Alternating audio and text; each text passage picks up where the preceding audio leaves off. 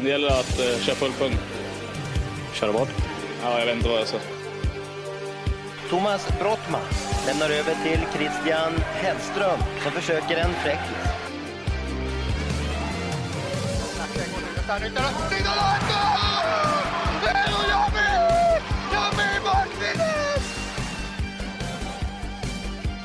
Alfred Ost und jetzt Schuss!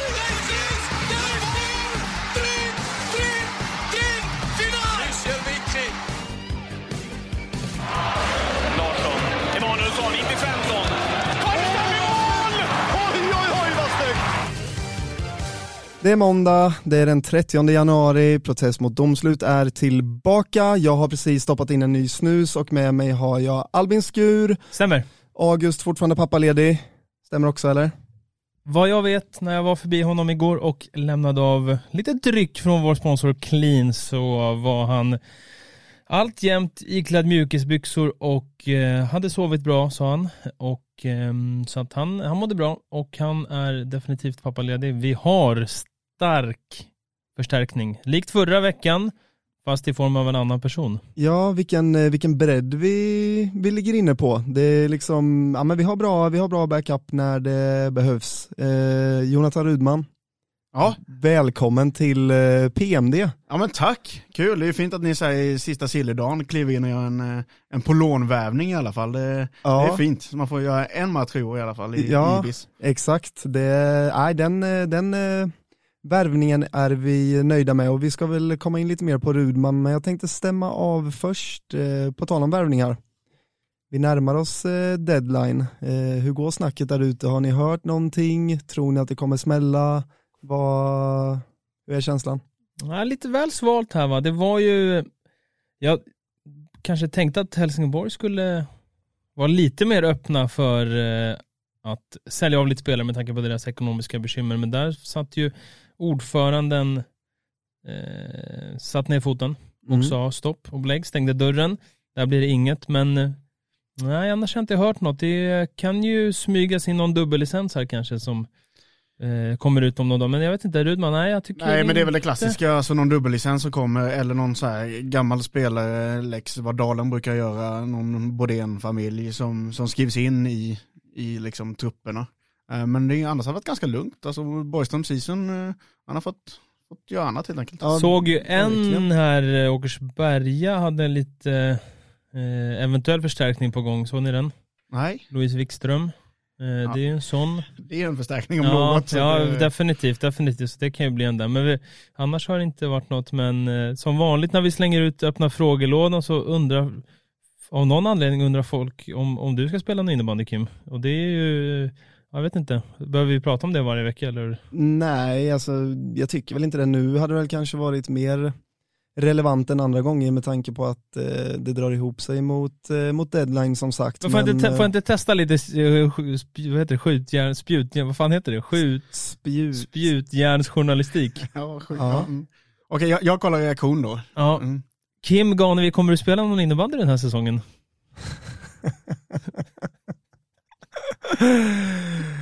Det märker vi. Ja, det är inte ett nej. Det var det inte. Är det ett ja? Det vet jag inte. Mullsjö? Kommer du att spela för Mullsjö i år? Det är ett innebandylag och du är en innebandyspelare. Det borde finnas möjlighet att du kan spela för nu, dem. Vet jag inte, jag hör inte, jag hör lite dåligt. Eh, Ja, nej, klart intressant. ja, vi får se, håll utkik eh, så, så tar vi det därifrån. Kan någon dränka katten eller va?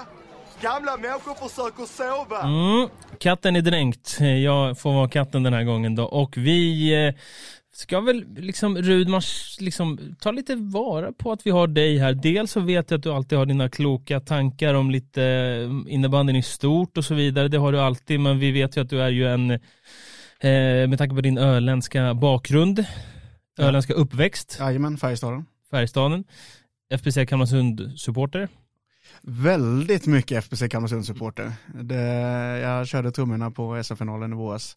Så, ja. Eh, Med Färjestads IBK-mössa på och Kalmarsundströja på. Så att, eh, ja, verkligen Sundet-supporter. Hur trygg eh, är du med trumman skulle du säga? Är det liksom, snackar vi skills?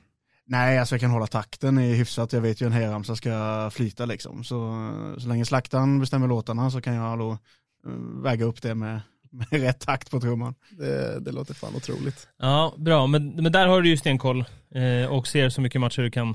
Du var i Gävle här för några veckor sedan. Ja, men precis. Jag ser alla som är i närområdet eh, kikar ju på. AIK Gävle och damerna mötte Åkersberga, sen har jag kikat på också. Och sen allt vad jag kan då genom datorn, även allsvenska lag, eller division 1-laget också, försöker jag följa så mycket jag kan. Som leder sin serie för övrigt. Ju- Ja, men precis. Och de har ju fortfarande den här väldigt fina öländska kopplingen. Många liksom spelare nära som är på väg upp, som man hoppas står upp i SSL-laget. Så att eh, de är alltid kul att titta på. Det är alltid lite show. Dagen efter vi spelade in senast, eller två dagar efter att vi spelade in senast i onsdags, så åk, åkte ju faktiskt en riktigt, vi måste säga en riktigt trött trupp för Kalmarsund. Alltså det måste vi ändå säga.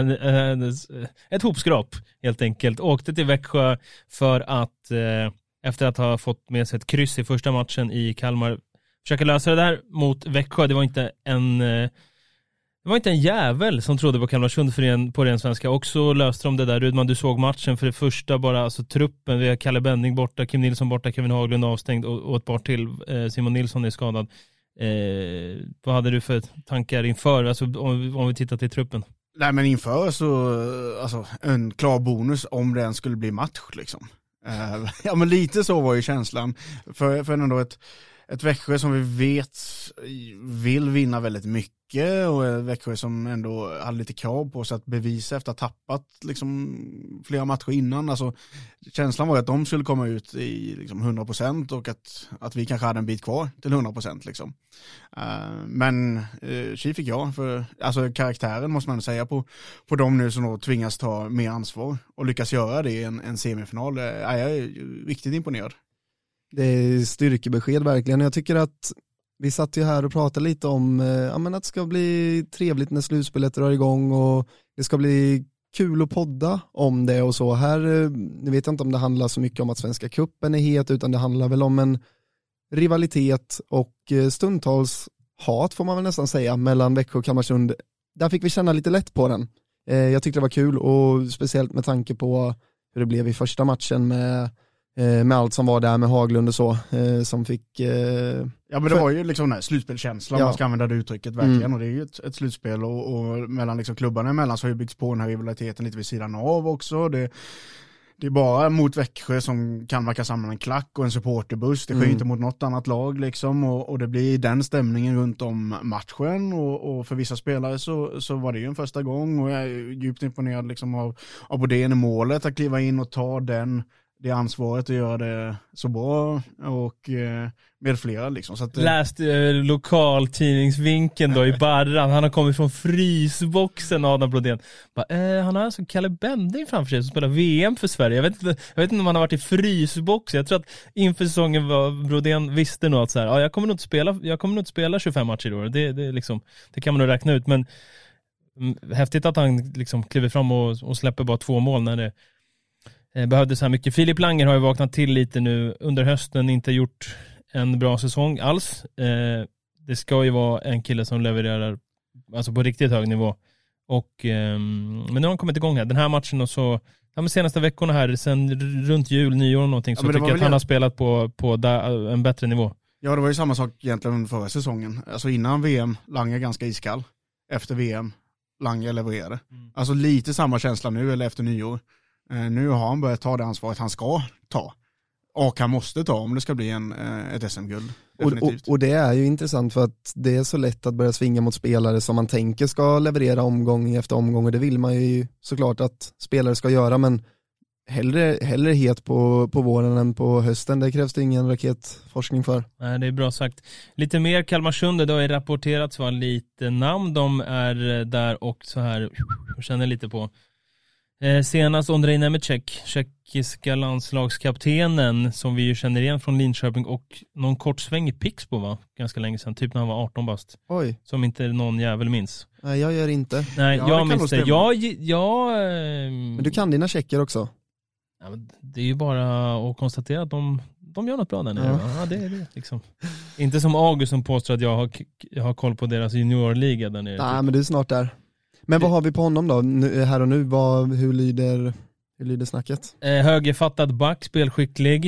Eh, bara där, redan där är de flesta sportcheferna sålda. Han är ganska lång, ganska bra storlek och var ju bra i VM nu senast. Han eh, hängde i något mål där på Sverige i något viktigt mål. Hur var det nu i gruppspelet där? Fyra mot tre Ja, spel. det stämmer. Kommer Han är ju gedigen också. Det är väl lite det Kalmarsund, alltså om det nu är osäkerhet både kring Simon Nilsson och Kevin Björkström, alltså behövs ju någon back med rutin som kan ta den rollen in i det. Så den är Ja, klart alltså intressant. han, har ju, han är ju bara, han är 98 så han är inte gammal, men han är ju kapten, han spelade ju VM 2016, 20, han spelade fyra VM redan. Så att han har ju, Han, han känns äldre. mm. Men jag tycker det var skönt att det blev en liten miss i kommunikationen nu, för jag tänkte egentligen mest status på hur snacket går kring en övergång. Nej, eller... du vet inte. Nej. Du, du vet inte, de är intresserade. Och sen är det ju Oskar Johansson och Linus Malmström ifrån Helsingborg. Mm.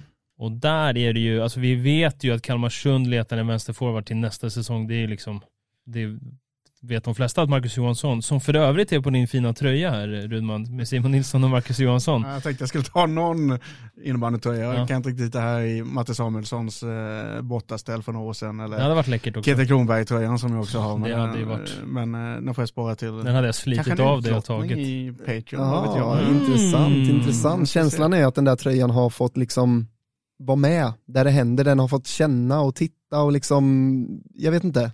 Ja, den har ju också fått dras tillbaka lite eftersom båda lirar nu också. Det var ju Mm. avskedströjan för Ja. dem, men det, ja, det är fint. Det är gamla Färjestaden, eh, en uppväxt samma område som, som en annan, så att de ligger bland favoriterna.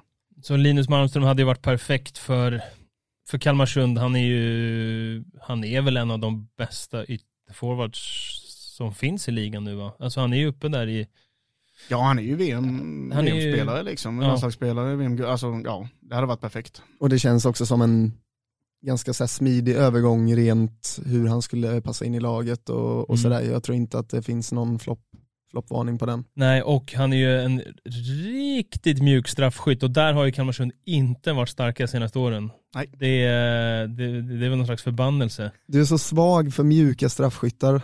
Det är Och det är snyggast bra. som finns ju att rulla in dem, det är ju Mm. så. Alltså det är ju, det, det blir inte bättre tycker jag. Vem är bäst på att rulla in dem då? Ja, nu vet jag inte. Hannes Blomqvist var ju riktigt Mm. skön i GIK där ett tag. Och Kasper Broby har ju haft ett par. Så Liam Åström rull- rullade in en nu efter ett, en hel uppvisning i klubba boll. Sen satt han det lågt. Alltid Mm. snyggt. Ketil kan ju sätta dem lågt, det vet vi mycket väl. Han kan sätta den på alla Och jävla det, sätt ska, som finns. det ska helst inte vara de här att man skjuter lågt, utan det ska vara de här liksom Mm. smyga in den. Mm. Och är det tunnel, då är det ju Ja. bara fem poäng. Ja. Eller minst fyra av fem poäng om den rull i tunnel. Men jag vet inte vem det skulle kunna vara. Nej. Nej men Hannes Blomqvist är ett bra, ett bra namn ändå tycker jag. Mm. Han var skicklig där, både på rulla in dem och eh, tunnel. Jag kommer ihåg i Kalmarsund så, eh, min första tid, det var i, sporthallen, då var, mötte vi GIK, när de hade Nilsen och Blomqvist. Och vi hade haft lite kämpigt med straffar och matchen eh, gick till övertid och då tänkte jag bara, gör mål nu, för det Ja. finns inte en chans att vi tar det här på straffar. Och sen i strafflängden var det godnatt. Jag kommer inte ihåg Nilsen och, och Blomqvist gjorde ju mål, det var ju bara tack. Alltså direkt när det gick till straffar visste jag att det här blir ingen bonuspoäng. Nej. Det, är- Det är bara packa det är ihop. kört. Ja. Eh, nej men ett, alltså, res, all respekt till de här gubbarna i Kalmarsund, men Martin Rönnklint i en första lina, Max Johansson och Kristoffer Dallas Dahl i eh, ett backpar. Det är, de har ju spelat i division 1 för Ja. det mesta, så att det är ju, Nej, och, Nej. Vi gillar ju lite så här småstatistik, jag vill slänga in den då. Eh, Adrian Karlsson, reservmålvakt. Eh, Kika hans Ibis, han är ju liksom hela föreningens reservmålvakt som, som får då kliva in. Han har en match i Smålandscupen, en match i SSL nu efter och en i Svenska cupen, sex förmodligen på bänken då i division 1 och en match i division 4. Det är liksom, han rings in när det behövs folk. Det- det är I det här lite- fallet var det cupen semi. Lite vaktmästare-aura över det. Ja, att man, så här, man, man fyller i, man pillar med det som behöver fixas med liksom. Ja, Det- han har föreningskättar, stor kung liksom som Albin säger och bara Bamse, kliver in. ja fin. Men jag har en fråga. Tror du han kan trumma? Det kan han. Ja, då så. Det- Då, kan, då finns det en backup där också. Han, han, det, Så han är asfaltsläggare va? Ja, något sånt. Ja, är det bra. något han inte kan? Ja men det är tryggt. Ja det är tryggt. Ehm, vill bara nämna också när vi pratar Växjö här, nu, vi pratade inte om den matchen senast, men jag har ju en favorit i Växjö. Eh, lite så här, ingen superfavorit, men jag gillar honom skarpt ändå, Filip Fox. Mm. Matchen här förra helgen var det nu, en och en halv vecka sedan, när han gör hattrick, Linköping borta, Eller vad var det? Linköping borta. Ja, men det Och han avslutar med att gå fram och bara skjuta slagskott från mittcirkeln. Ja. Alltså det är, det, är, det är så bra insats. ja. ja, men det är bra. Bra Jag, gjort. jag tycker ändå att du har varit tydlig med att det är en liten eh, favorit. Det var väl den vi var och touchade på att han Mm. eh, kanske kan bli lite elakare. Eh, ja. Med bollen är han fin, han är ingen försvarsjätte, men titta på Filip Fox när han spelar, det är sån, han sätter alltid fart på grejerna. Mm. Det finns så många backar som står och väntar och funderar på vad som ska hända och sen kommer det någon lång passning i sargen. Han sätter fart i mitten och han är inte blyg för att gå förbi där om, om, man, får, om man får en halv meter extra. Ru- Ruggigt bra efternamn också. Fox. det är ju episkt. Ja, det är, alltså det är kort och fint och är det är perfekt. Så- Såg ni hon som eh, har fått en räv som kommer att hälsa på henne, som heter Foxman? Nej. Helt overkligt, det, har varit, det var någon stor nyhet där och har hört lite poddar.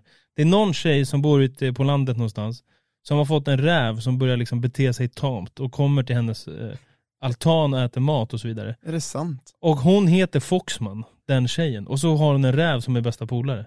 Vad är, vad är det som händer? Ja, det är... Vet du vad det är då? Apnonym. Åh, jag hade glömt. Skönt att du räddade mig. Jag, började, jag började tänka på Per Forsman nu. Alltså, tänk om han hette Foxman. Då är han ju ännu bättre. Man trodde inte att han kunde Fors. bli bättre, men det var ju... Det, hade, det är ju då, det är det det hade kunnat vara. Ja. Men innan vi släpper eh, Svenska cupen där, eh, vill ändå stanna till lite vid, Ke- vid Kevin Haglund. Vad, hur, eh, hur tror ni han sov efter den här matchen?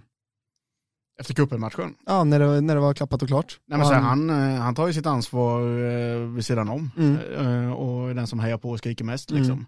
Eh, Tomtedräkten på. Tomtedräkten på. Så han mådde då eh, bra. Jag tror det var, det var ganska skönt för honom den kvällen.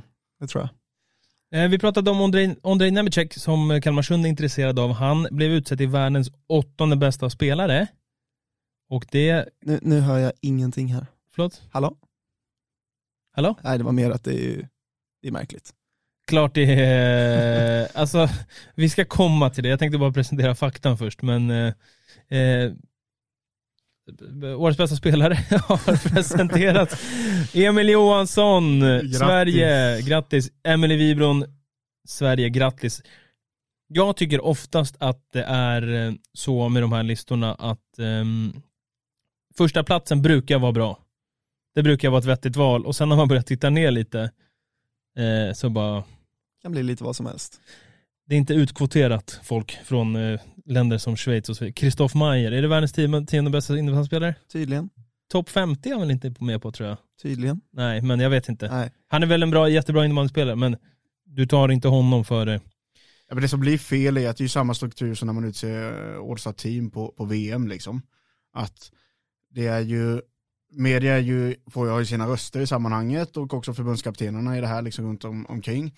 Eh, och alla de har ju inte stenkoll utan ofta så går de på namn eh, och såklart så försöker man ju kvotera in från sitt eget land liksom. Och som Mm. media innebär det ju egentligen, du kan ju indirekt få in spelare så du kan skriva artiklar om för att den har kommit med på topp 10-listan liksom. Mm. Du har ju ett, ett sån del som jag tror liksom spelar in i varför listorna ser ut som de gör och All-Star-teamen blir som de blir. Att så här, ja, man kan inte spela top of mind liksom och då puttar man in dem. Eh, och sen så, ja de flesta kan ett visst antal och då hamnar de på listan. Men vad fan tog inte eh, tysk media kulor för böcker då? Vad är han, vad är han på listan? Ja, då ska det ganska många fler nollor än topp Aha. 10 för att vi ska få in den gubben. Ja det är märkligt. Nej men ja Rudman, det är bra sagt. Jag håller med. Det är ju som att, eh, ja men eh, Marek Beners har ju varit eh, med i All-Star Team och fått jättemycket sådär, jättebra innebandyspelare, jättebra spelare. Men han får ju så stor roll, roll i Tjeckien.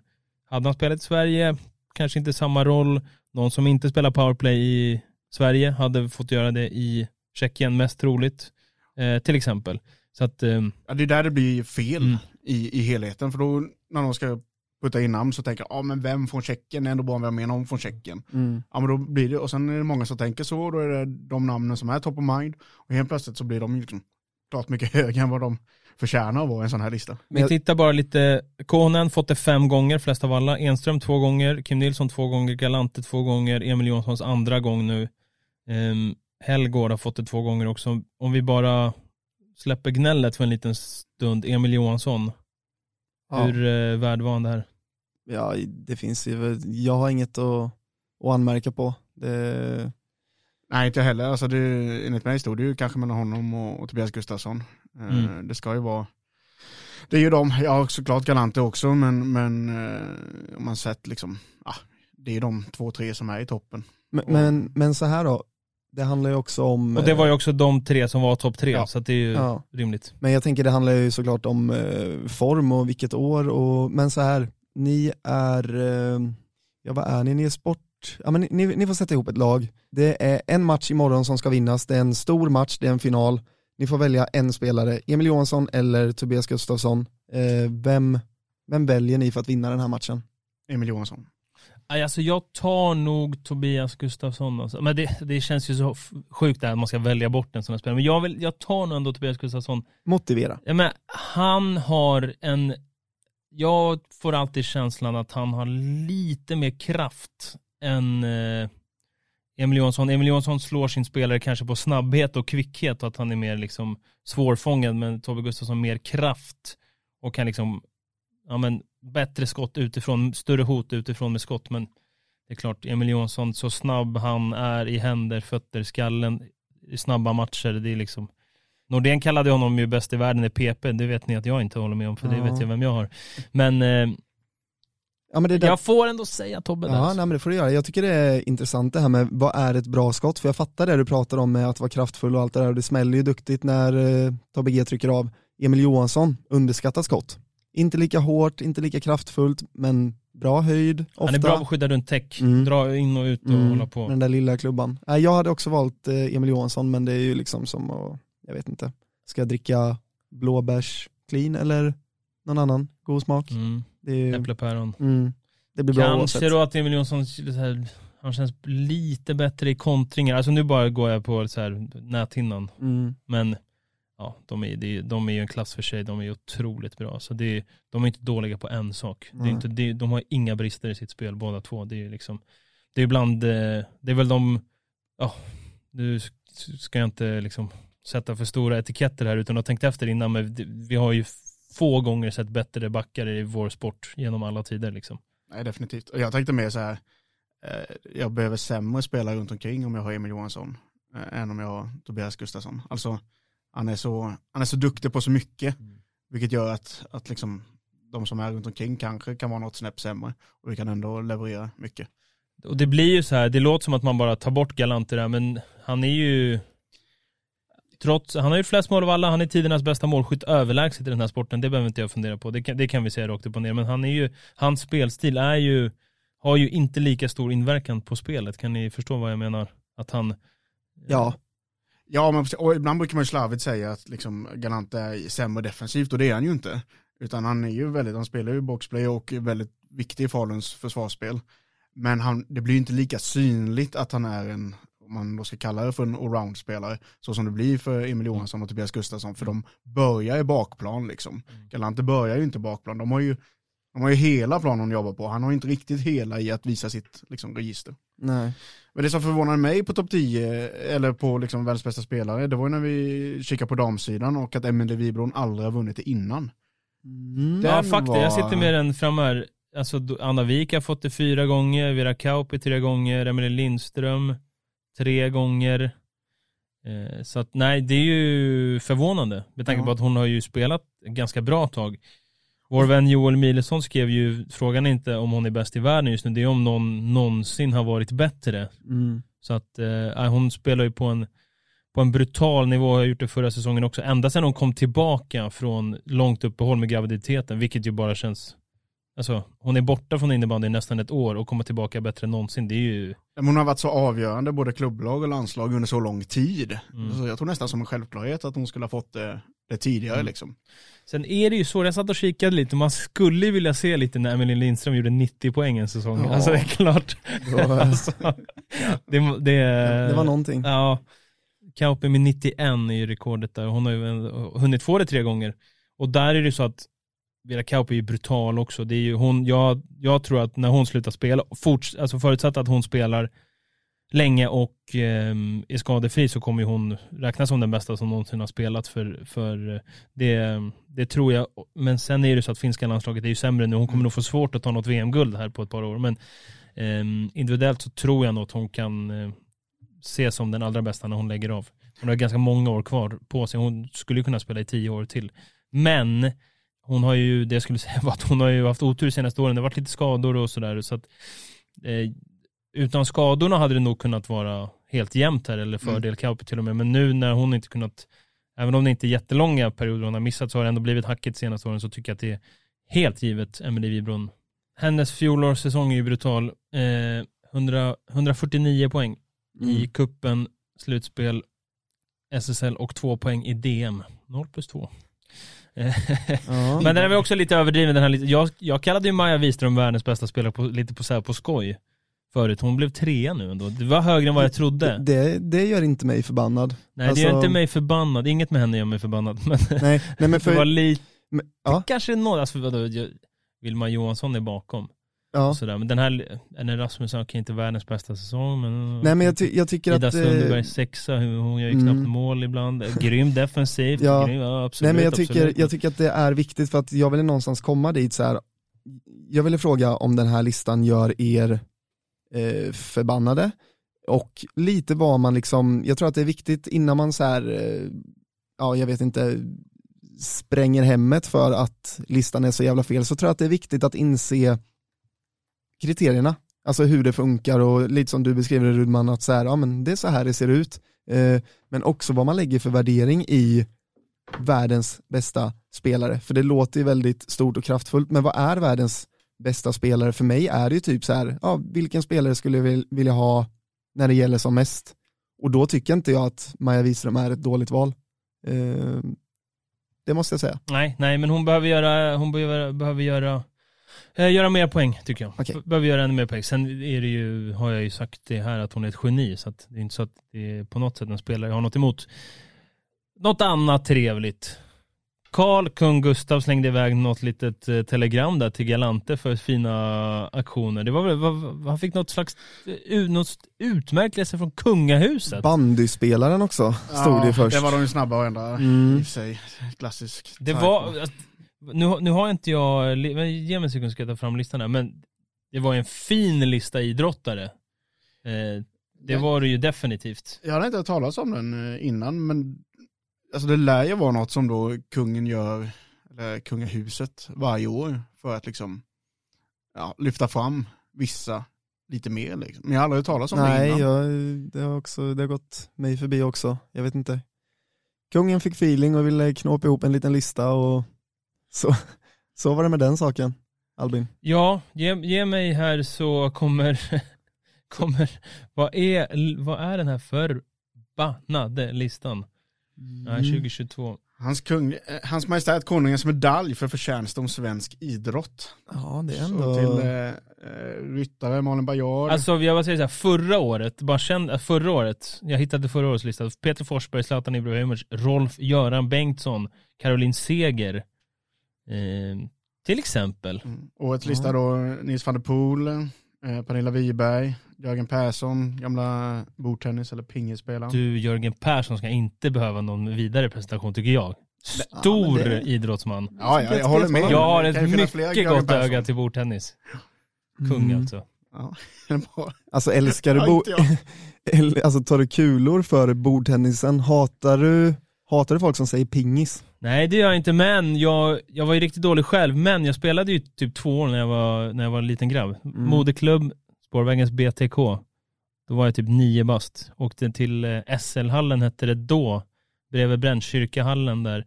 Och eh, då spelade J.O. Äpplet i A-laget.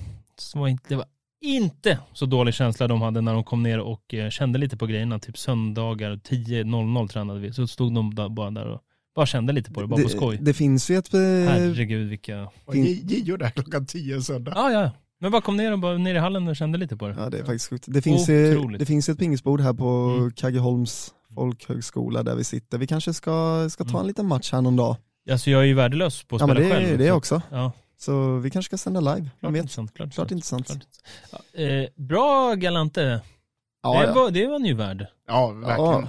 Ja. Eh, och eh, fint att innebandyn finns med i de sammanhangen också. Vad, det kan man ha nytta av. Man skulle vilja höra kungen säga något om Galanten då. Ja. Det Liten analys. var som skulle Jag komma tror inte då. kungarna var involverad någonting alls Nej. i den här utmärkelsen. Eh, Det tror inte jag heller. Det tror faktiskt absolut inte jag heller. Då tar vi en... Ja, okej. Vi nöjer oss med listan där. Pratar lite mer aktuella grejer. Vi har lite fina matcher här i, som har spelats i helgen. Helsingborg, Linköping. Jag vill börja med att säga så här. Linköping, bra att de satt lugnt i båten. Det var, det var kris, halvkris, eh, Ja, men det var blåsigt. Det var, det var blåsigt och de, de var jävligt dåliga där ett tag. Ja, det, det behöver vi inte snacka bort. Det hade ju inte varit eh, helt förvånande om de lät eh, eh, Gillek göra något annat. Än att vara Nej. huvudtränare i Linköpings IBK.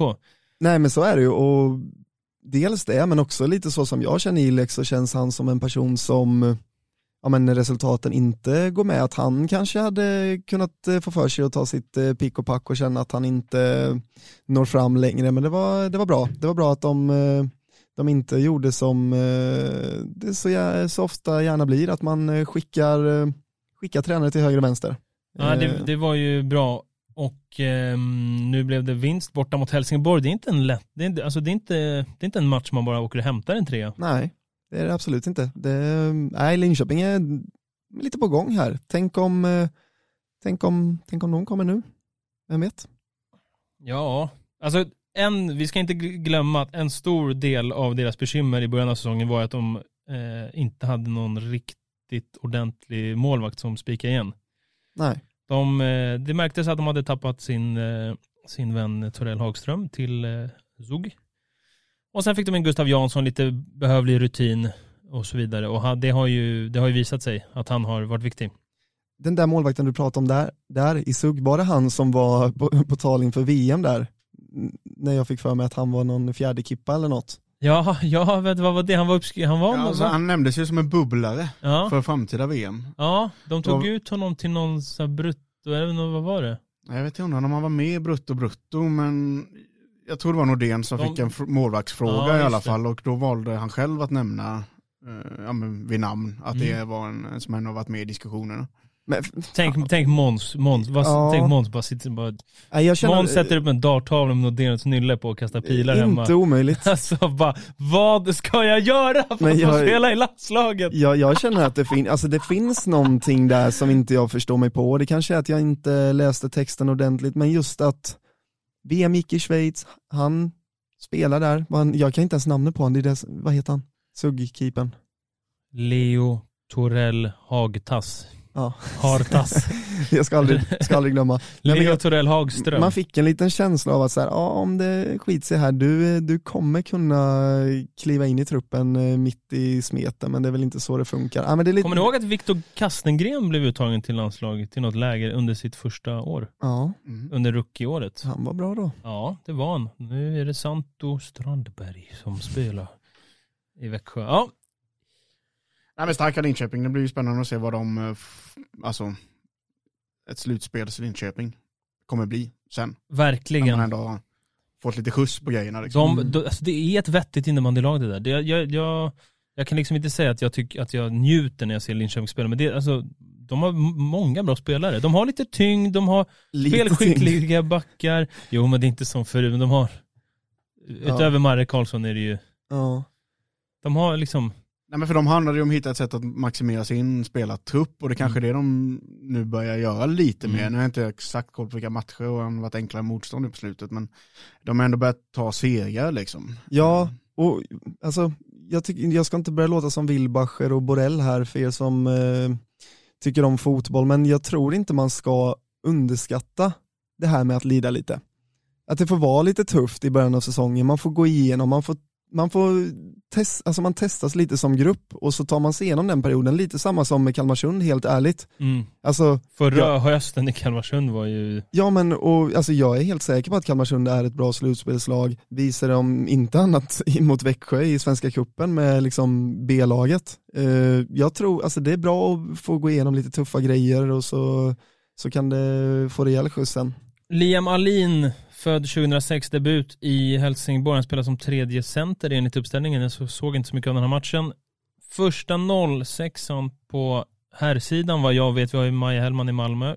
Men det måste vara det va? Jag har hört eh, mycket, mycket gott om honom. Det ska vara en mycket spännande spelare som ehm, eh, är från Munka Ljungby där han spelar till vardags. Ja. Dubbellicens. Spännande. Får jag ett eh, sms här mitt i allt kring lite sill. Ja men klart intressant, ska inte, ska inte gå in för mycket på det men det, Det där är det mest frustrerande för en annan då. som jag mest- Var det en sportchef som smsade dig? eh, det är möjligt. Eller ett rykte som når nej, dig? nej men det, det, det, det händer lite grejer här. Eh, Urban Karlsson. Måste ha varit. Eh, det var det inte. Nej, ni, eh, ja, jag, jag fattar vad du säger att det är frustrerande och sådär, men ni, eh, ni har väl ganska bra koll på läget skulle jag säga. Eh, Jag tänkte mer som lyssnare. Ja, det är nej, första gången precis. ni slänger ut någon Exakt. form av... Kan man inte få se någon gammal comeback? Har Shia ju ett sista ryck i sig? Det hade, gjort mig, det hade gjort mig glad hela vägen in i själen alltså. Är det Falun som gäller då liksom? Eller vill Han du- får göra vad han vill han får enligt göra mig. vad ja. han vill. Ja, men bara någon sån här, Ja, det hade så varit, skön det hade varit underbart.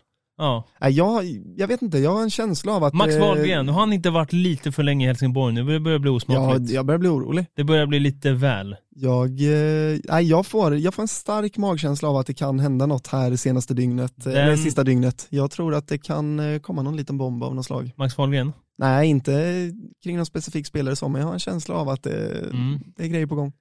Mm. Mm. Ja. Kan, kan, kan du lägga en liten bumper där? Där har vi den ja. Eh, ja, vi konstaterar att Mullsjö gör en bra säsong trots sin tuffa silly som tappat truppen och så vidare. Och så vidare, och så vidare. Tappat truppen, tappat eh, bra spelare ur truppen, en av dem sitter här med oss. Och nu verkar man lösa slutspel med ganska god marginal.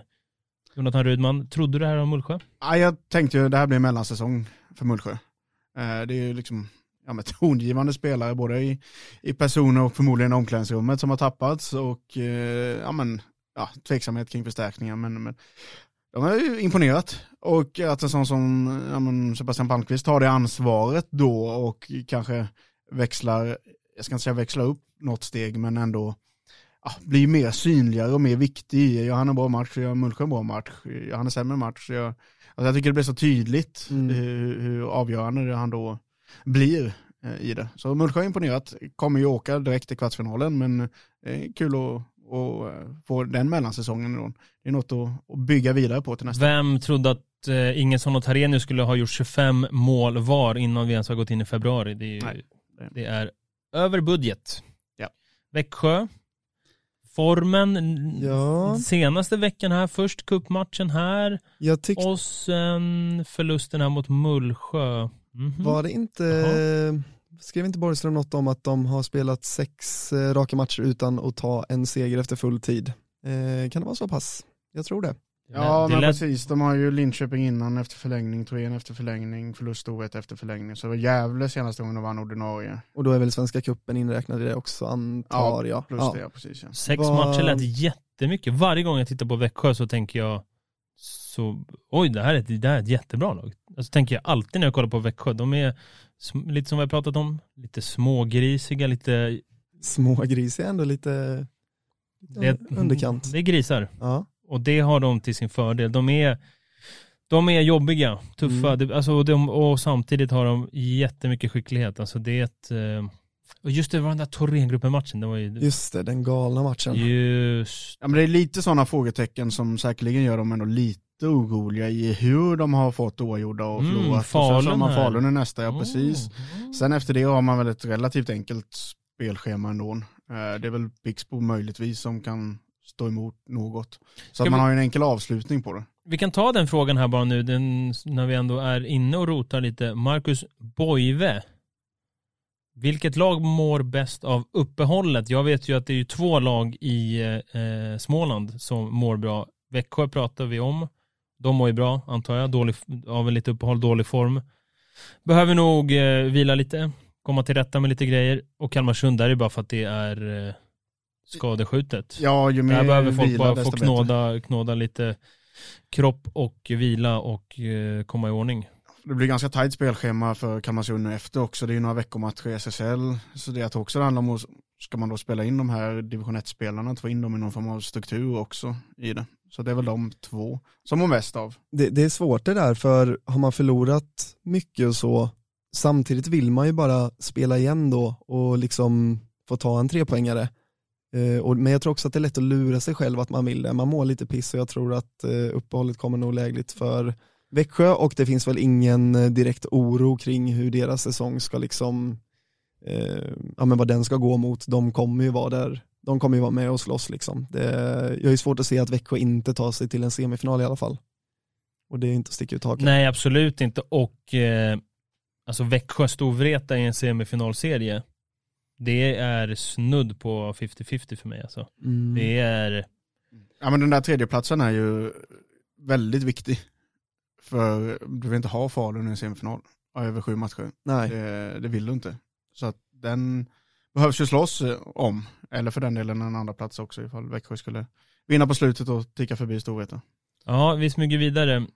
Um, Pixbo AIK, inget jättemycket att säga där. Pixbo har gjort jättemånga mål på AIK varje gång den, de har mötts. Jag kommenterade i kuppen i Solna och i SSL i Solna och då gjorde Pixbo typ 12-13 mål båda matcherna och så 11 nu. Så där är uppenbarligen ett lag som AIK har haft bekymmer med. Det som är intressant är ju matchen på onsdag. Ja, jävla Hagunda. Ja, Om, alltså Hagunda har ju sånt läge att bara hämta en trea där och gå om AIK. Och det kändes som att under hösten, vi måste nästan be om, urs be om ursäkt till AIK, vi sa ju att det var kört. Eller August var ju, kommer jag ihåg det som, jag får skylla ifrån mig lite.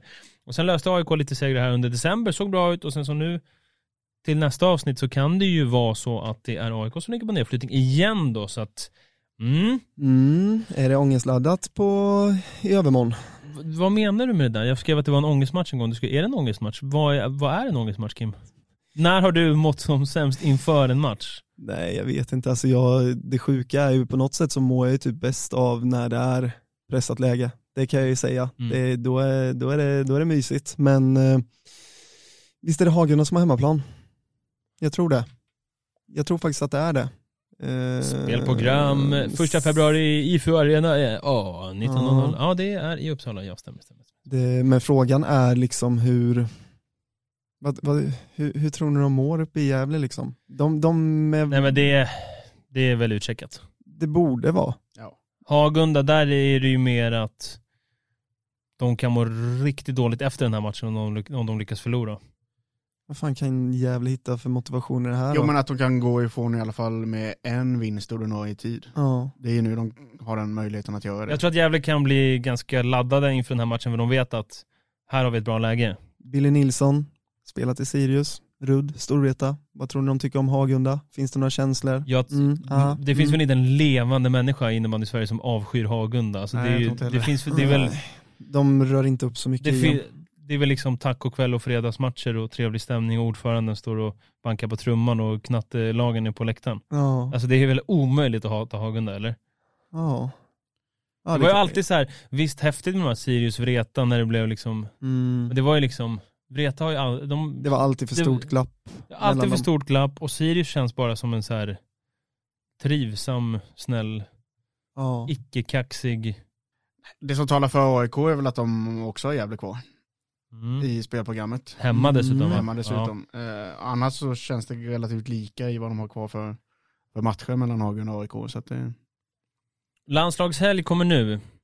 Herrarna inställt läger, det har ju varit lite snack där om eh, Brottman och Nordén, hur det ska bli. Vi har inte hört något nytt där.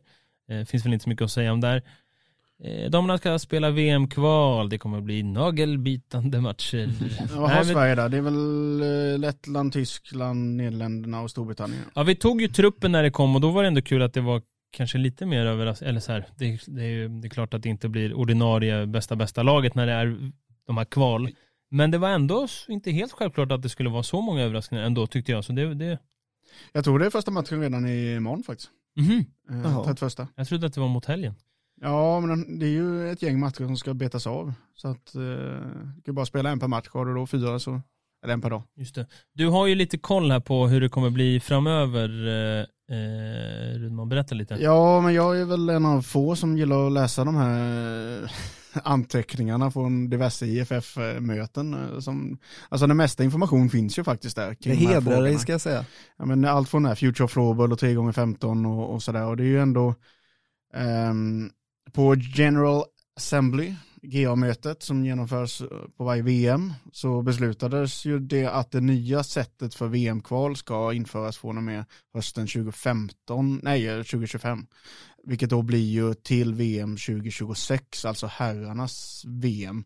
Och det är ju, ska vi se vad är det de ska kalla det för någonting, European Floorball Championships. Oj, oj, oj. Eh, Så ett EM kan man väl säga, eh, som ska ersätta då eh, Eh, VM-kvalet för de eh, sju bästa lagen i föregående VM plus en värdnation då.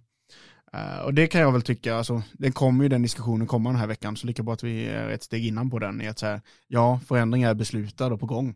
Sverige kommer vinna med 28-1 mot Tyskland i veckan här nu. Men det är beslutat om en förändring så vi kommer slippa de här VM-kvalen för ja, topp 7-lagen eller topp 8-lagen. Eh, och sen så får övriga lag kvalas in som, som vanligt men med, med jämnt motstånd. Liksom. Så det är väl kul. Ja, problemet är väl om det ska kallas EM och det ska rapporteras om nu spelas EM och Sverige har vunnit EM-guld. Det är väl det som är liksom... Ja, men Vad behövs det? Nej, det behövs inte. Nej, jag vet inte hur de har landat i det. Ja. Som, ja, European Floorball Championships, det påminner ju om ett, ett eh, EM, liksom, eller EFC som de kallar det. Men eh, Ja. just kommunikativt tror jag inte riktigt de har landat i det. Men eh, ja, efter hundarna alltså. Det beror ju på hur länderna väljer att approacha det. Eh, men en titel till, ja, en mediamässigt så blir det ju en till, men det kommer ju vara samma. Samma vinster, å andra sidan så får vi VM varannat år, EM varannat år och då, och då har vi hela tiden ett mästerskap eh, att spela. ja, det tycker jag inte vi behöver. Nej. Personligen så. Speciellt om vi har det så varannan med dam och herr. Men bättre i alla fall än nuvarande kval, det kan nog vara överens om. Ja, eller? vad var det några år sedan där när det var Sverige-Frankrike blev 60-0? Det var ju liksom... Ja. Eh, Så det är väl en update som inte hörs Nu mycket har om vi på tyvärr inte svenska Kane Twitter. Björk för de har tagit bort det. Det var när vi vann över Ungern och man fick håna dem Ja. riktigt rejält. Imitera, gör så gott du kan och imitera. Eh, var när vi slog Ungern med 32 man fick håna dem riktigt rejält. Det är ganska bra. Det räcker för mig. Eh, vänta, jag har den här. Jag har den här. Slog Ungern med 33-2. Man fick håna dem riktigt rejält. Det låter verkligen som att det är på bakfyllan alltså. Vet inte. Ja, den är bra, den är bra, den är bra. Ja. den är bra. En till bara med Conny Björk. Vilken musik har du i lurarna inför match? Eh, Det är väldigt blandat, men eh, alltid någonting med Lars Winnerbäck. Eh, Det är ju Céline Dion med My Heart Will Go On. Ja men bra surr Conny Björk. Eh, Alltså Nurmi med intervjumikrofonen också. alltså de där Inside Sweden från typ 2012, det är som, det är magiskt. Det är magiskt. Godis. Ja, det är så bra. Eh, och så Champions Cup, vi pratar om cupfinalerna. Det här måste jag bara säga. Hur kan cupfinalen ligga på en torsdag? Det är ju... Alltså, Nej, det är kris och katastrof. Alltså, jag kommer åka ner till Kalmar, jag ska göra jag ska kolla på den här matchen. Det Jag är jätteladdad, det kommer bli jättekul. Tänk om, eh, Men vad fan. tänk om en torsdag bara blir vad en torsdag, vad, vad man gör en torsdag till. ja, så kommer det bli. Alltså, Kunde i alla fall varit på en onsdag, det var sjösjukan öppet, studentpuben där. Kunde man gått efteråt. Men... Det får Eh, bli Markoolies svar sen efter. oh, trubadur. Ja, Åh. ja, det har de ju inte på torsdag. Nej, fan. Fan. Men det måste vara special, måste de fixa trubadur. Lös Om det det, blir guld måste de Ja, ha... Björken får lösa. De måste, om det är trubadur, alltså om det blir vinst, så måste de ha trubadur på jour. Bara ringa ner. Ja. Man kan ta. Nej men torsdag, liksom, kom igen. Ja. Alltså, visst, det kommer, vara, det kommer vara fullt, det kommer vara Ja, alltså, jag, häftigt, men ja, min take är att man talar emot sig själva lite när kuppen är viktig, det är den, jag håller med, jag gillar kuppen, jag är en, verkligen en stort fan av kuppen. Men sen så blir ändå avgörandet på en torsdag liksom. Visst, det ska läggas spelprogram i förväg och det kan vara svårt, men ha, alltså, för de lagen som går till kuppenfinal, tillåt dem och de involverade lagen som de ska möta i seriespelet, ha det bestämt i avtalet mellan SSL och eh, Svenska invandrarförbundet att de måste flytta sina matcher. Alltså de fyra lagen det berör på här och fyra på dam. Så att det blir en lördag, för liksom på lördagen efter så är det ju match, liksom, eller söndagen. Så det är det det handlar om liksom, att det, det är fullt upp på helgen liksom. Ja, spelschemat är ju smockat i februari-mars. som Ja. det ligger nu så har ju Kalmarsund Hagunda borta dagen efter i SSL. Ja. Flytta Ja. den då till onsdagen och så får uh, kuppen vara på fredagen i alla fall. Ja, men kanske. precis, ha det inskrivet i avtalet Ja, och sen ledigt säsongen. lördag, söndag, måndag, spelar den på tisdagen då kanske, som, om det inte är någon, Ja. ja, nej. Nej, tankvurpa. Helt klart. Ja men det, är precis, jag håller med dig där Rudman att signalen eller liksom budskapet från förbundet har ju alltid varit att kuppen är viktig, kuppen är, alltså så, sen det drogs igång, att den är prioriterad, men det här tycker jag säger emot. När det inte är, det är inte klart med spelplats och det blir lite så här, det, det är sådär.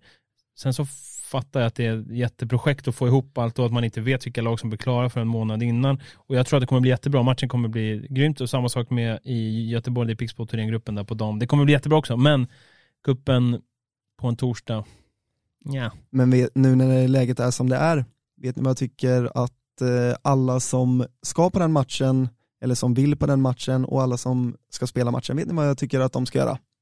De ska tänka att det är lördag. Tänk att det är lördag. Det kommer jag göra. Skit i resten. Restaurangen i SBB eller, SSB, SBB. Ja, Arena har ju öppnat ut alkoholrättigheter nu. Så Ja. att det inte bara vippen som. Ja, utan, eh, det är frå- frågor på det. nej, så det kan nog bra torsdag.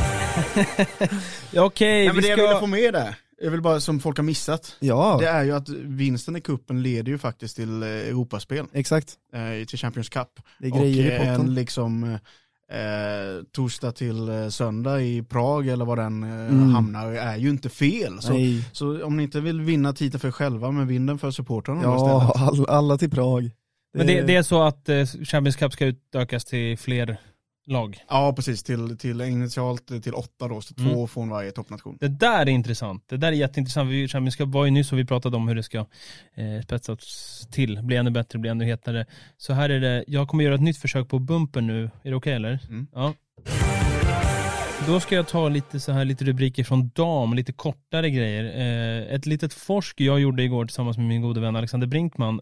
Eh, jag frågade runt lite, Hanna Nordstrand, som vi har pratat om ofta här, fantastisk spelare, gjorde ju fyra mål i helgen. Gjorde hon det? 43 poäng nu på 19 matcher och hon är alltså född 2004 vilket innebär att hon har fortfarande U19-ålder inne och då tänkte jag lite, vem har gjort mer poäng som junior i SSL än Hanna Nordstrand? 43 är hon på och då får jag fram en topplista som ser ut så här just nu.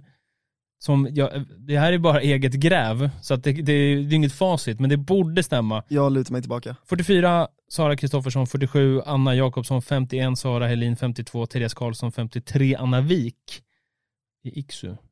Så att det borde vara så att hon löser det här va? 11 poäng behöver hon göra på sju matcher. Klart intressant. Mm. Eh, Det säger, så här, sätter det i lite större, större perspektiv för, att, Mm. för att man ska fatta hur bra det är, för det är liksom en stark lista där på spelare som är framför. Eh, Maja Ekström, Borgström hade koll, hon gjorde sitt hundrade mål, hon är född 2002, hon har gjort 100 mål Det redan. går undan. På 95 matcher. Wow! Och sen så kollade jag lite på highlights här. Rönnby, alltså vad, vad, vad är det för skönt lag? De spelar Jonna Sjöberg och Vilma Johansson ihop som var helt överlägsna. Ja, Vilma Johansson gjorde eh, sex poäng. Mm. Hon är brutal nu alltså. Mm. Och eh, eh, Jonna Sjöberg poängmässigt bästa säsongen i karriären redan nu. Då är det ett gäng matcher kvar här så att mm, de där kan ja Thorengruppen vinner ju ingen över men eh, de där kan nog eh, störa Pixbo om de hamnar ja, i en men jag tänker semifinal. liksom med, med Harnesk som, som tränare också, alltså de kommer ju ganska tidigt gå in i något form av att så här, hur ska vi slå Pixbo och träna bara för att vinna över Pixbo i förberedelserna.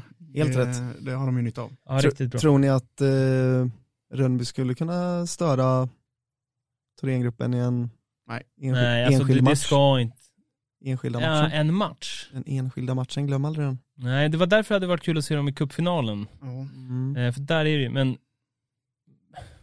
det ska ju inte gå alltså. Det ska verkligen inte gå. Kanske men en på, vadå? En på 20, kanske, en på 15, en på 20. Hade de haft den enskilda matchen, alltså en SM-final, en gång tidigare Mm. och att den blir igen, då tror jag det. Men alltså, för det är en SM-final vi pratar om, med allt som ändå sägs av spelarna själva som spelar en SM-final på första gången, i allt vad som sker runt omkring. Mm. Då tror jag inte, men däremot så spelar Rönnby Thorengruppen en SM-final i år och samma nästa år. Då har Rönnby chans Mm. att vinna en enskild match. Mm. Det är en För då är bra, de i momentet det är liksom. en bra, bra poäng, men eh, en, kvar, en dag kvar av eh, fönstret.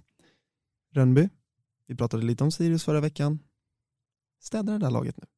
De, eh, Den är sjuk om de Sirius-tåget tar- har gått. Ja, om de- Eh, Att plocka Klara Molin ja. Ja. Är ju pendelavstånd. Ja. Hon är kapten, bara lämnar, bara det är kört säger Ja. Bara, det det är vi nu. kört, säger hon. Det gör vi nu. Ja, ta hela första linan där i Ja. Sirius. Frågor. Mm.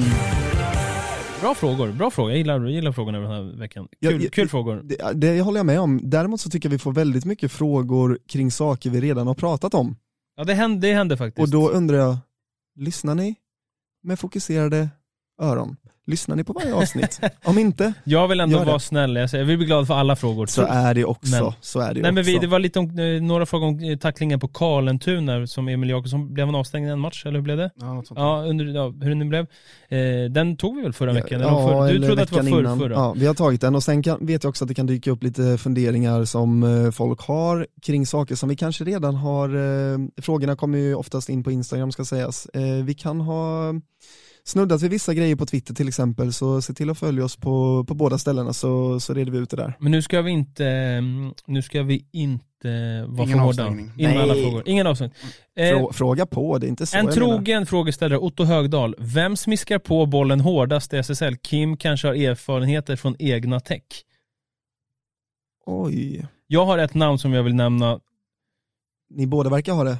Eh, Rudman, tryck av. Ja, men jag har ju fått och suttit i teck när Simon Nilsson drar av sitt Ja, eh, dagskott. herregud. Så att eh, jag har själv haft de blåmärkena. Alltså det, han skjuter sinnessjukt hårt. Alltså hans slagskott, det är sån, alltså jag kollade bara på honom på uppvärmningarna, så det gjorde jag nu senast i- när jag kollade, när jag såg honom mot eh, Storvreta. Alltså det, det slagskottet, det är så hårt att pff, alltså, man ser inte bollen. Det är helt, det, han hade något för ett par år sedan, höll viken borta, han bara står i mittcirkeln i PP, han, han går inte ens fram, han, jag gör mål härifrån, det är lugnt liksom. Det är så hårt att det är, Ja men nej, det, i- jag, Det är får, brutalt. jag får lite känslan när han sätter bollar i nät ibland att det nästan känns som att buren, den Mm. rubbas lite. Alltså Ja. så hårt är det. Eh, Dragskottet skjuter han ju hårt, men alltså slagskottet, det, det, alltså det är så hårt att det är, jag vet inte, men du kan ju, du har ju dina slagskott, Kim. Ja, men Mm. jag är inte aktiv. Jag vet inte om det här gäller aktiva spelare. Mm, nej men, eh, ehm, nej men hårda skott. Det är klart att det finns ett, Alltså, eh, jag, jag tycker det är svårt. alltså André Andersson har haft några den här säsongen. som jo, är- jo men alltså, det är så, löjligt ju. så är det. Ibland tycker jag att det är lättare när man går tillbaka i tiden lite. Alltså det har ju dykt upp lite spelare genom åren som bara skjuter och man undrar hur det går till. Men typ Kim Hadlund var ju verkligen en sån i Mullsjö Mm. liksom. Det var ju, Mm. det var inte kul. Det var inte kul att träna boxplay på träningarna när han stod på point i PP, men det var, det var bra, bra träning.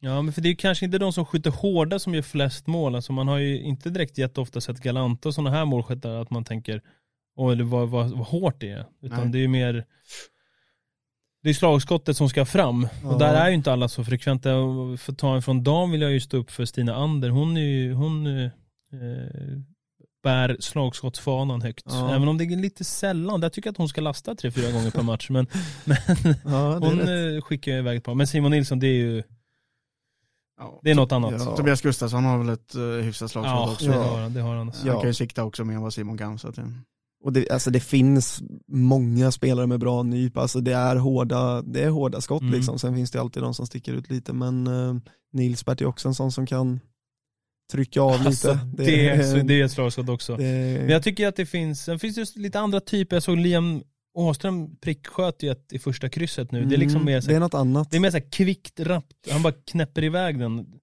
på en liten, liten lucka. Det är ju kanske inte världens hårdaste, men det går så fort. Och liksom det, är, Ja. ja, det finns många som kan skjuta bollen där. Eh, Albin Hedstål vill att vi pratar om hans vän Hannes Kjellberg i Djurgården och det är ju en av två, tre vettiga spelare i Djurgården i Allsvenskan. Hannes Kjellberg bör spela i SSL nästa år tycker jag. Kanske inte sådär att han ska in i någon första femma någonstans, men en liten så här kanske fyndvärvning, något lag lite, något mittenlag, ha honom i en andra, tredje femma. Till exempel, eh, vad ska vi ta? Ska vi nämna något? Mullsjö han har säkert kunnat eh, springa där tillsammans med Norrbaggen. Bara för att ta något direkt här utan att tänka efter. Men är han eh, Stockholms, han har ju Kille, liksom. spelat i AIK tidigare. Mm. Salem, eh, Salem kille. Nej men han är, han är bra.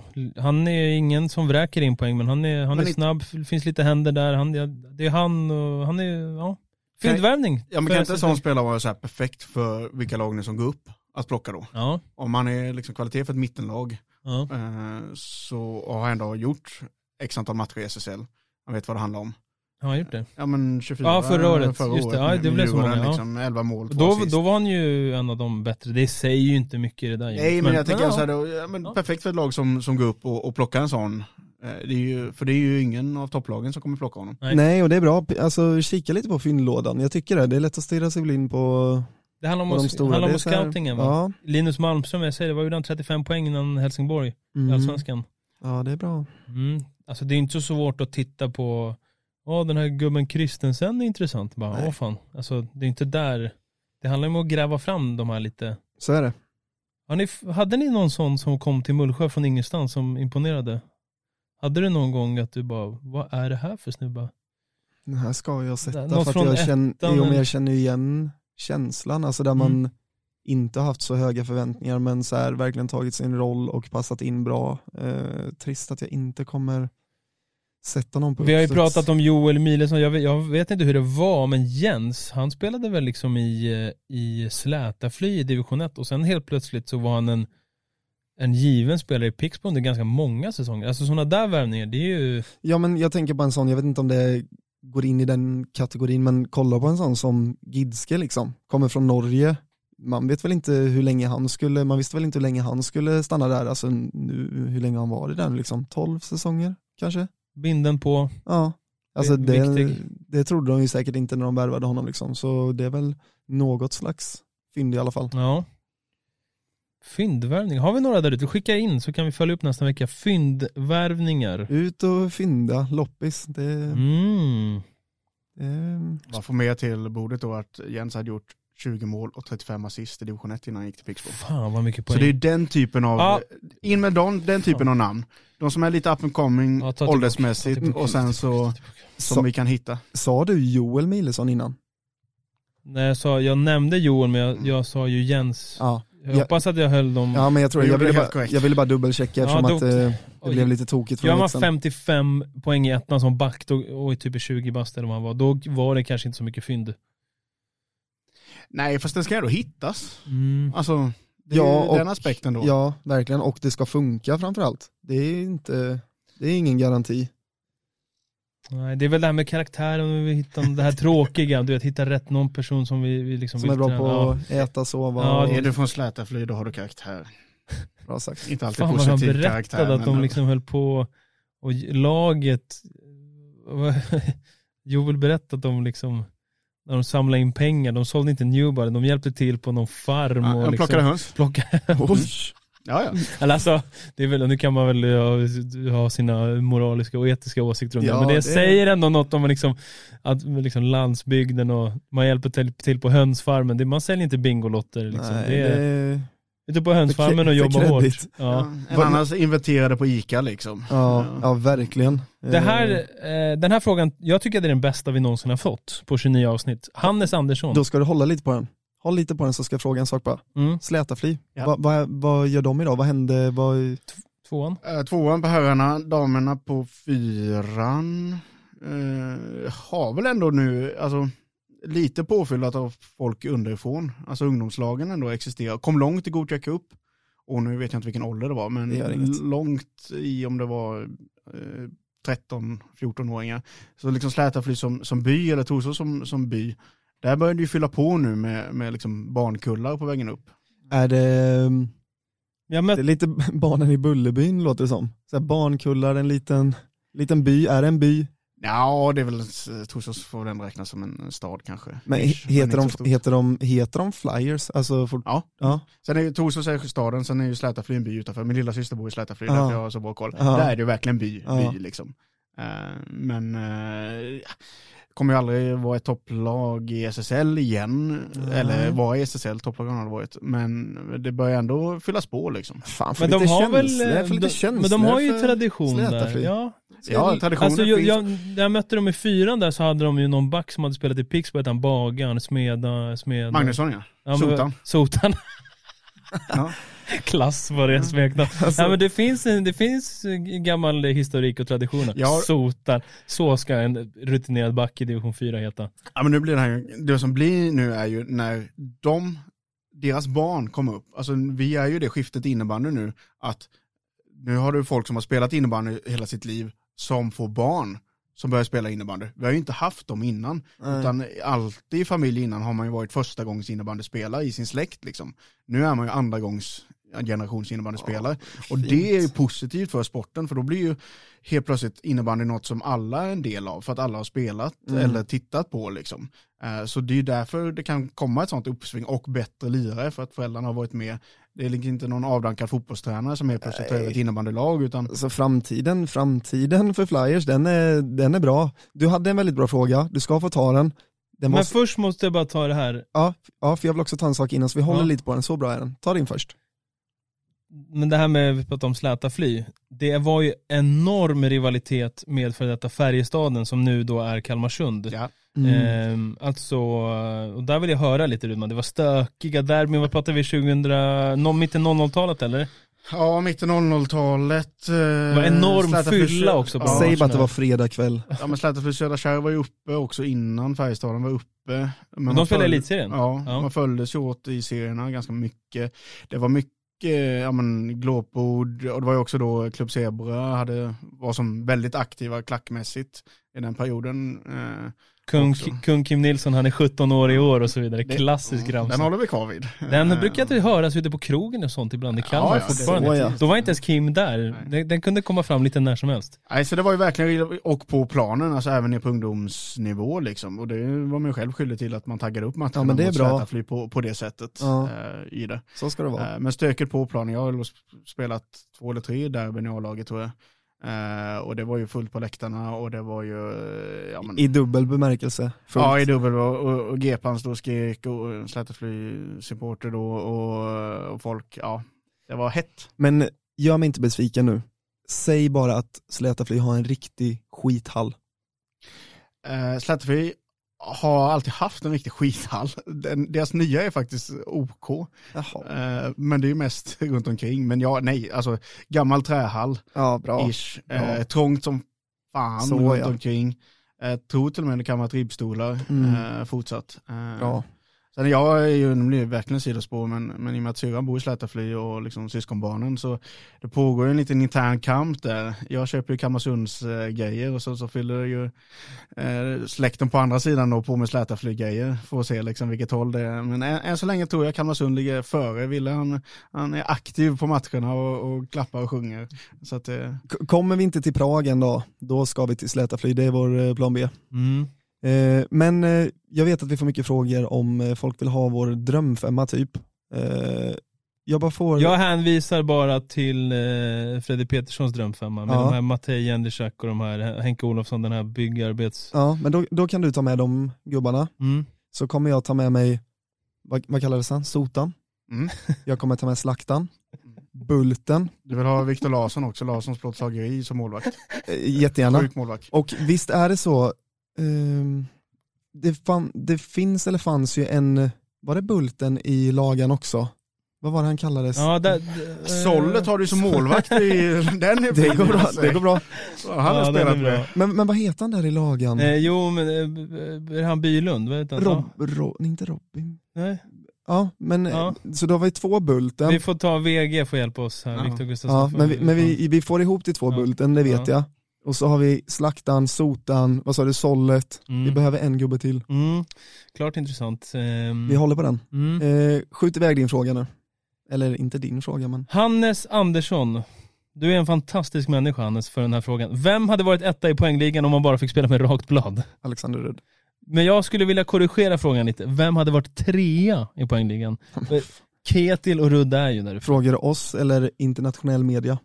De kanske hittar någon, kanske hittar någon, eh, Men vi, vi känner lite på ja vi, absolut, alltså, jag älskar den. ehm, Tim Nyander, Hur... Eh, den är ju rak nu mer eller mindre. mm, Det finns väl två kategorier, de som redan har rakt och de som hade skött sig bra med, med eh, rakt. Alltså, ja.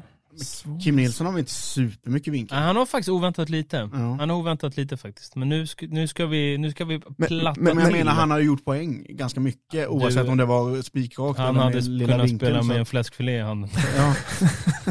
så han ligger högt poäng. upp liksom. Men Ja. eh, ja, ja, det blir tråkigt för våra lyssnare men de får ändå vara med här. Kolla på min hook.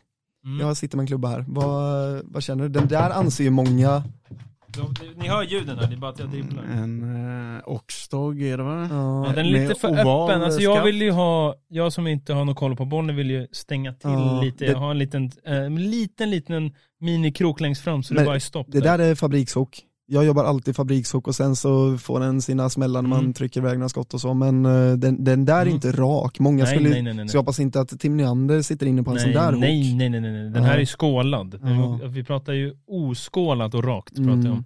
Men en, en sån som Manuel Maurer, som är liksom eh, dribblare, trixare, lurig. Ja. Volley och styrningar och sånt kan man ju göra med rakt blad. Det är ju som han är grym på. Stefansson, har han skött sig med rakt? Ja. De här målen Han- han, gör från nära håll hade Ja, han ja. kunnat göra ganska många av. Jag, jag är helt säker på att vi missar någon här, men Rudd är ju, alltså, det, han är väl ohotad etta i alla fall, det kan vi slå fast. Ketil? Tvåa. Ketil är ju den, han är väl egentligen den enda som spelar med rakt, rakt, rakt blad. Inte det här ovinklade och att det är skålat. Alltså här, Men vi, Simon Palmén har väl ingen vinkel alls? nej kanske inte, men här får gärna någon slå mig på fingrarna, men jag får för mig att både Rudd och Ketil har spelat med rightblad fast de är leftare. Vet ni något om det här? Jag, jag tror inte att Rudd har spelat med right, men han har ju spelat med Jag tror han har gjort det. bakåt, bakåt krok. Ja, alltså ja, det vet tillbaka vinklat. Ja. Helt rakt och sen bak i toppen. Men har Ketil spelat med right? Han kan ha gjort det någon gång när han hade slut på blad. Om ni vet det här så säg till oss, för jag får för mig att båda skulle kunna ha gjort det. En som hade haft lite identitetskris är Emil Rud. Han hade, Ja. fått, hade fått svårt att baka bollen i eh, ett rakt blad alltså. Jag tänker så här. det finns så mycket bra right-skytte och en viss, alltså så här lite halvbågar och sådär, men när det kommer till raka blad, kommer ni på någon rightare på rak arm som är, alltså som spelar Vet med rakt vad? och som, Jag såg precis en... Björkström. Ja. nej. Nej, Han har vinkel, lite grann. Ja. Eh, jag såg precis en här på plats 50 i poängligan som definitivt är en favorit hos mig. Linus Nestorsson. Mhm. Där är det inte mycket vinkel va? Jag vet, Det är svårt alltså, att veta när man inte ja, ser. man ser ju inte, Men känslan är att han allt, att det, det är inte är mycket där. Han är ett namn vi nämner. Ja, Jag tänker så här, det här är väl en väldigt kul fråga för alla oss som är Patreon. Så slänger vi ut den i samband med det här Mm. Ja. avsnittet. Och sen så Bra. får man dunka på med sin egen eh, topplista på poängligan med rakblad. Av oss som eh, faktiskt eh, puttar in lite. Det- Det... kan fler av er som lyssnar göra. bra Rudman. bra Bra. Rudman. Eh, på, men på, på damsidan då? Hur, har ni, har ni någon koll Alltså på jag, hookarna? jag var ju och körde Lund-Sirius här, inte nu heller men förra, och då kom Evelina Sparvin. Och Mm. hon har inte spelat, eh, hon har spelat på lägre nivå. Hon kom tillbaka här nu under säsongen. Det är ett stuk, det är bara neddragna strumpor, så här medvetet för stor tröja så den Ja. hänger lite skönt, och så är det bara rak jolly. Hon, eh, Tack, jag, jag, vill, stort tack vill ja. jag bara säga. jag vill minnas, alltså vad, ha- har du hennes karriär i huvudet? För jag vill Hon har minnas, väl alltid spelat, hon spelat FBC Uppsala och så vidare. ja, för jag vill Ja. minnas när eh, jag var, var jag 15 år? Ja det var jag, och var på distrikts Jag tror att vi är jämngamla, det vill säga födda 93, kan ha fel, men hon spelade final i distrikts-SM mot eh, ja, men med Uppland då, mot Gästrik, Gästrikland och i Gästrikland var det eh, Cornelia Fjellstedt som var superstar. Och då kommer jag ihåg att de två, alltså riktigt fina spelare redan då. Mm. Hon har en säsong i Rönnby ser jag här, det visste jag inte. Hoppsan. Hallå där. Eh, FBC Uppsala, Sirius och så lite Storvreta nu och Sirius igen då. Ja, Men, men hur såg det ut när du var i Ändre då? Vad, vad var det för hookar som gällde där? Eh, det var väl inte någon som, inte jättemycket rakt, nej vem ska tänka? Nej men där var det lite klent alltså. Ehm, Ah, det är svårt, fan vi kan inte sitta och prata hookar men det- en timme, jo, men, men det är en bra det. fråga. Det är en bra ja, fråga. bra, jag ska, någon var det säkert där. Eh, Sista frågan bara. Tobbe 53, Tobbe tack för att du ställde frågan. Jag blir glad. Bra Ja. Tobbe. Snyggast och fulast i SSL. Varför är Helsingborgs fulast? För det första, jag skulle vilja säga så här. Helsingborg har snyggast tröjor i SSL. Hemmastället, helt svart, vita kanter på ärmarna, smala, smala blåa streck. Snyggare än på många år och det som är grejen, det som blir grejen med svarta tröjor, det är också att lag ser lite större och läskigare ut. Jag minns när man var ung, spelade poolspel, kupper och när man fick så här värma upp bredvid eh, planen så här i hörnet och det pågick någon match, då var det allt så här, man sprang och tittade på, på motståndarna och om de hade svarta kläder då kände man oj, ska vi möta de här? För de kändes så mycket större och jag vet att det är en diskussion nu, ska inte spinna iväg för långt, men i, i NHL, för de jobbar ju lite så här specialtröjor och sånt, Mm. lite så här retro kör de just nu och där är det mycket svarta tröjor där lagen, de ser så mycket mäktigare ut. Det är någonting med, med svarta tröjor som jag tror kan sätta lite skräck i motståndarna. Det är väl sponsorerna här, att det är massa färger på sponsorerna som jag inte gillar. Men annars, vad Ja. har vi? Linköping, så här, Adidas klassiskt, lite tråkigt. Ja, Men, men ändå helt eller bä. okej. Ja. Hemmatröjor kom vi fram till att det, de är väl ändå vettiga. de är cleana, de har ju inte så mycket sponsorer på tror jag inte heller. Jag gillar, jag gillar nog när Falun tog tillbaka lite svart igen, inte hel rosa utan få, få in lite svart där på Mm. axlarna. Det är schysst. Jag bara går från huvudet nu. Eh, Oxberga orange, det är, så här, det är ju fördelen, det är lite eget men nackdelen det är kanske lite märklig färg, lite konstiga siffror. Ja, siffrorna där är ju... Ja. Alltså Endre har ju ett tredje ställe som är vitt eh, och gula detaljer som de nästan aldrig spelar med. Jag vet inte om de har det fortfarande, de hade det för några år sedan. Det är riktigt schysst. Jag tycker Sundets bortaställe är också fint, det vita med det blåa på Mm, eh, mm, just det, axlarna. just det, ja. Det Men, men för jag vet inte om ni har koll på det här, men jag fick, jag får känslan av att det blev för några år sedan att alla lag skulle ha vita borta tröjor för att det inte skulle bli krångel. Rätt eller fel, någon som vet? Ja, det var väl ett eh, FSSL-beslut på det va? Och, och varför har Falun kommit undan med det? Falun spelar inte i något vitt ställ. Ja, men jag vet, inte om, jag vet inte om det gäller längre. Ja. Jag tror inte det kravet finns kvar länge, men det fanns för några år sedan. Men de kom väl undan det då också? Falun har ju inte haft vitt på fler, alltså de har ju haft, när de lämnade rött och så blev det rosa och så är det ett svart ställ och alltså jag har inte sett Falun spela i vita tröjor på, en- jag vet inte hur länge. De kanske hade något litet, litet avtal där som, som gjorde att de slapp undan. Så kanske det var. Vi följer eh, onsdagsmatchen här med stor spänning. Vet du vad vi mer följer med stor spänning? Vi tar den direkt. Deadline. Ja det, det gör vi också, den lever kvar. Men eh, blandaren, hur går det med blandaren, köket? Det kan vara så att den, eh, det kommer någon och hämtar imorgon. Alltså Ja. jag måste bara skicka ut ett meddelande till er alla där. Snälla, när ni köper och säljer grejer på, eller köper grejer framåt, var vettiga människor. Det tar liksom en vecka för folk att fundera ut på en, en dag när de kan komma och hämta något. Mm. Skärp till er. Ja. Men den är på gång och jag installerade en diskmaskin i tisdags. Så att, eh, bra nu mår jag lite bättre i det här livet. Även om det är hundra grejer kvar. Jag behöver sälja den här blandaren imorgon. Den ska bort. Eh, ja, fönstret stänger för den också imorgon. Det hoppas jag. Det, alltså, Annars kan jag skicka med den till någon klubb som, eh, som vill ha dig, så kan de få en blandare på köpet. ja, det är faktiskt en bra deal. Det är faktiskt en jätte... Eller jätte du kan få den som sign-on. Jag kan säga så här, hade vi lyckats växa och liksom få, få tycka och tänka lite om saker, vi hade aldrig lagt Svenska kuppen på en fucking torsdag. Bra. Hej. Bra sagt.